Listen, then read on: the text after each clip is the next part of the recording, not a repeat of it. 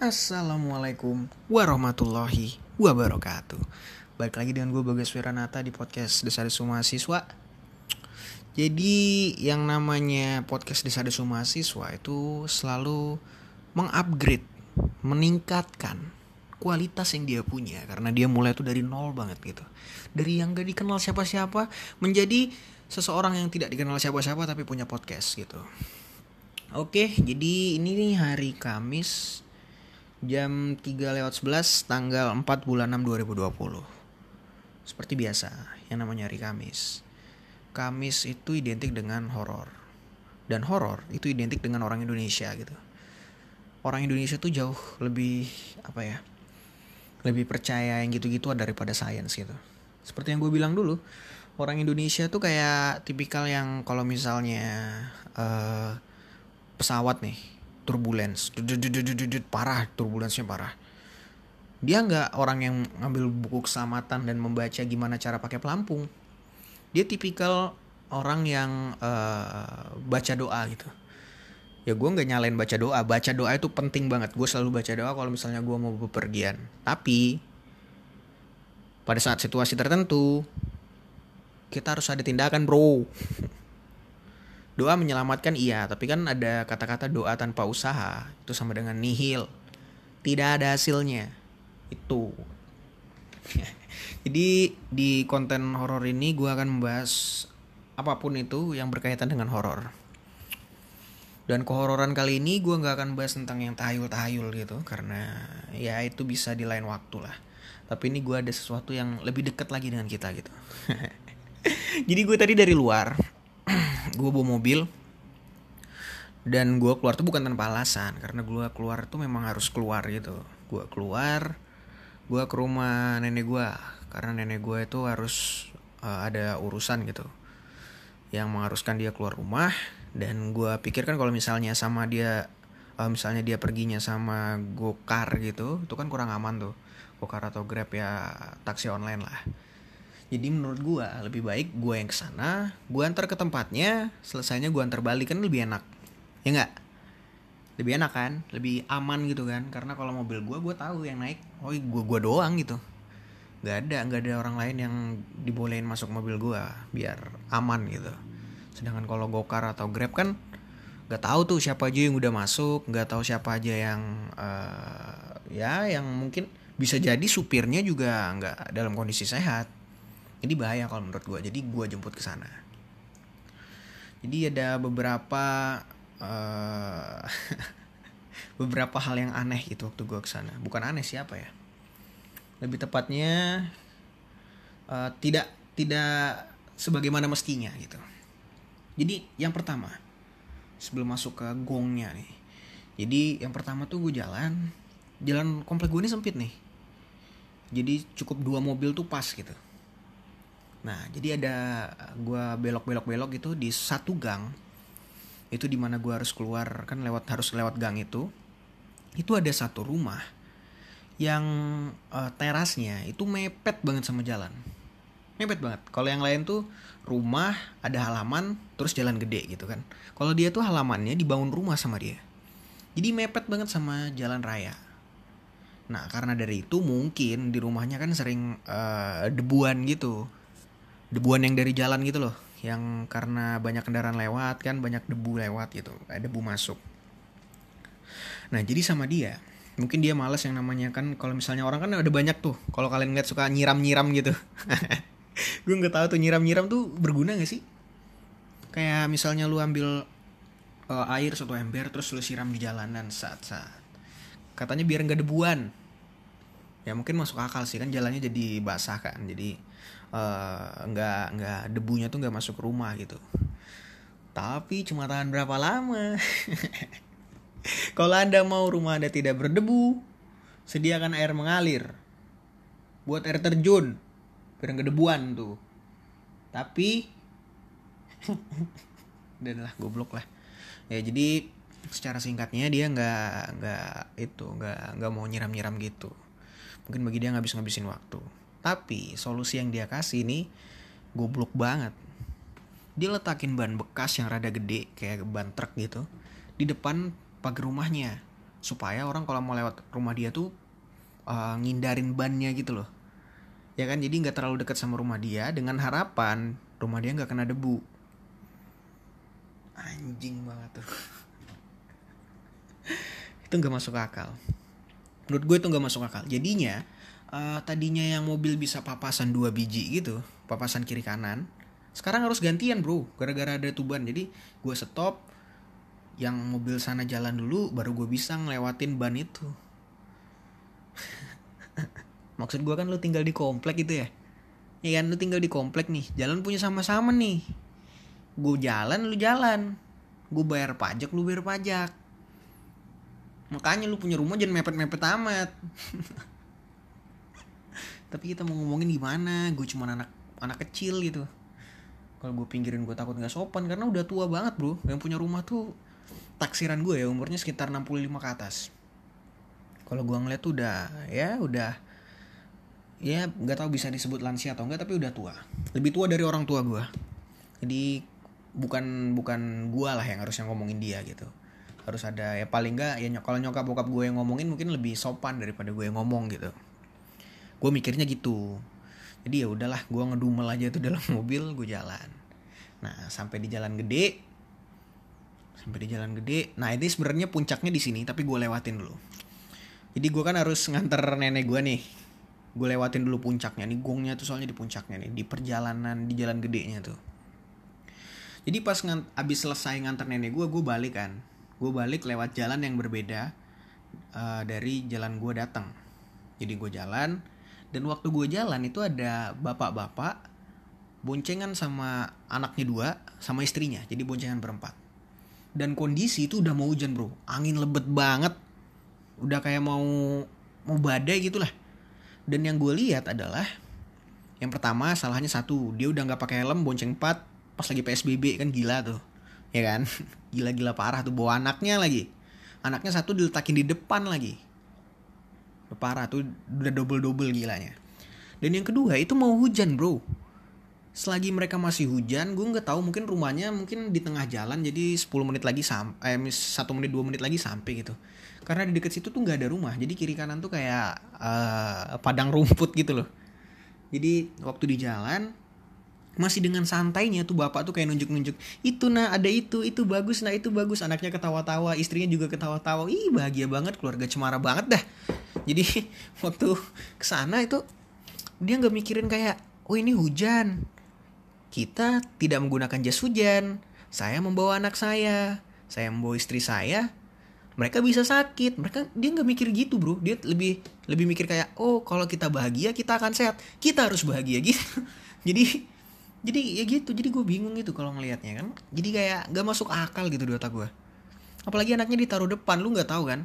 Jadi bagi lu yang nggak tahu nih kalau misalnya naik motor lu berada di depan hujan deras dan lu rada ngebut itu bibir tuh kayak ditusuk-tusuk jarum gitu rasanya. Bibir pipi pokoknya bagian-bagian depan wajah leher itu kayak kayak kena tembakan AK47 gitu. Karena itu hujan deras banget. Dan itu kalau kena kita pada saat kecepatan tertentu itu sakit banget bro gue aja sampai minggir sering kali gue udah pakai helm gue tutup nih helm gue full face tapi leher masih kebuka. Sakit banget bro. Itu makanya orang minggir itu kadang-kadang bukan karena uh, takut basah tapi takut bolong-bolong aja mukanya gitu. Iya gitu jadi gue mikir tuh kok kayak ini gak kasihan sama anaknya ini kan lagi kondisi yang sangat tidak baik untuk kita sakit flu ya kan? Karena pemikiran uh, tetangga kiri kanan bisa menuju ke sesuatu yang sangat sangat brutal. Tapi tampaknya mereka lebih mementingkan kebahagiaan ya udah itu urusan mereka. Jadi gongnya uh, gong itu apa sih? Gong itu kayak oh sorry sorry ini lagi azan. Ntar ntar. Kita berhenti dulu ntar gue pause langsung gue mulai lagi. Oke, jadi azannya udah selesai. tadi sampai mana tadi? Sampai gong ya? Gong. Gong itu apa ya? Gong itu kayak puncaknya gitu. Kayak klimaksnya. Jadi uh, puncak dari cerita gue adalah ketika gue jalan di jalan gede gue ngelewatin pasar nih. Gue ngelewatin pasar. Kan psbb nih ya kan? Kita tahu nih psbb Yang namanya PSBB itu kita tidak diharuskan turun ke jalanan jikalau itu tidak terlalu penting. Tetapi nyatanya ketika gue turun ke jalanan itu gue bingung tuh kok nambah nambah padat nambah padat nambah padat terus sampai stop macetnya bro. Jadi macet sampai stop ceklek. Anjir nih psbb kok gini?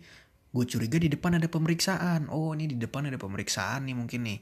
Mampus lu yang keluar nggak ada kerjaan atau yang semobil sampai lima orang enam orang gitu udah mikir gitu toto pas sudah sampai jalan dikit jalannya tuh dikit-dikit banget men. Memang macet banget itu parah. Jadi sekitar kayak dua putaran ban tiga putaran ban berhenti lagi gitu-gitu. Jadi hmm, gue sampai sana terus gue ngeliat di depan gue udah ngangkat kepala gitu kan kayak set. Oh masih jauh. Gak kelihatan tuh karena ada kayak uh, naikan gitu. Jadi gue nggak kelihatan tuh setelah itu betapa terkejutnya gue ternyata kemacetan ini disebabkan oleh pasar. Yang gue kira tuh pasar ditutup tuh. Rupanya nggak ditutup. Ini psbb nih.